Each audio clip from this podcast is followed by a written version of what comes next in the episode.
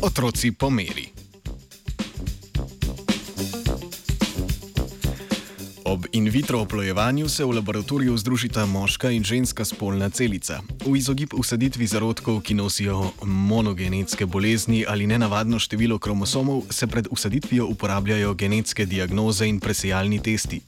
Izbiranje zarodkov glede na njihov genski zapis, kadar to ni povezano s tveganjem za točno določeno bolezen, pa poraja mnogo etičnih vprašanj.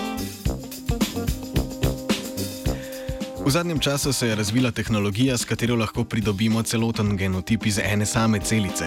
To bi nam teoretično lahko omogočilo izbor zarodka z želenimi lastnostmi in posledično vodilo do otroka po meri. Vendar ima poleg etičnih vprašanj takšen izbor še eno težavo. Ne vemo, ali dejansko deluje. Na fenotipske lastnosti, kot sta višina in inteligenčni kvocijent, namreč vpliva veliko število genov, zato jih imenujemo poligenske lastnosti. V znanstveni reviji Cell je raziskovalna skupina nedavno objavila rezultate raziskave. Spopadli so se z vprašanjem, v kolikšni meri bi lahko z izborom zagotovili, da bo imel zarodek takšne lastnosti, ki se nam zdijo optimalne. Ker raziskave ne smejo potekati na pravih zarodkih, so uporabili tri vire podatkov. Prve podatke so dobili z matematičnim genskim modelom, drugi viri so bili simulirani genomi zarodkov. Za sestavo tovrstnih genomov so uporabili genotipizirane odrasle osebe s poznanim fenotipom in jih hipotetično rekombinirali. Tretji vir podatkov so bili rodovniki družin z velikim številom potomcev, ki so zdaj odrasli, kar pomeni, da imamo dostop do njihovega genotipa in fenotipa.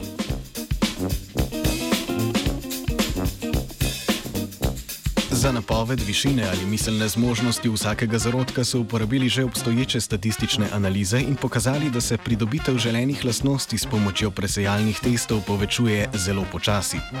Če zanemarimo etične pomisleke, bi nam trenutna tehnologija omogočala pridobitev približno 2,5 cm višine in približno 2,5 IQ točk za miselne sposobnosti pri najbolje ocenjenem zarodku.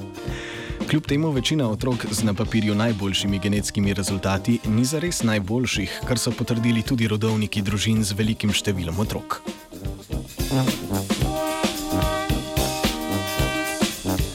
Razlogov za tako majhen vpliv je lahko več.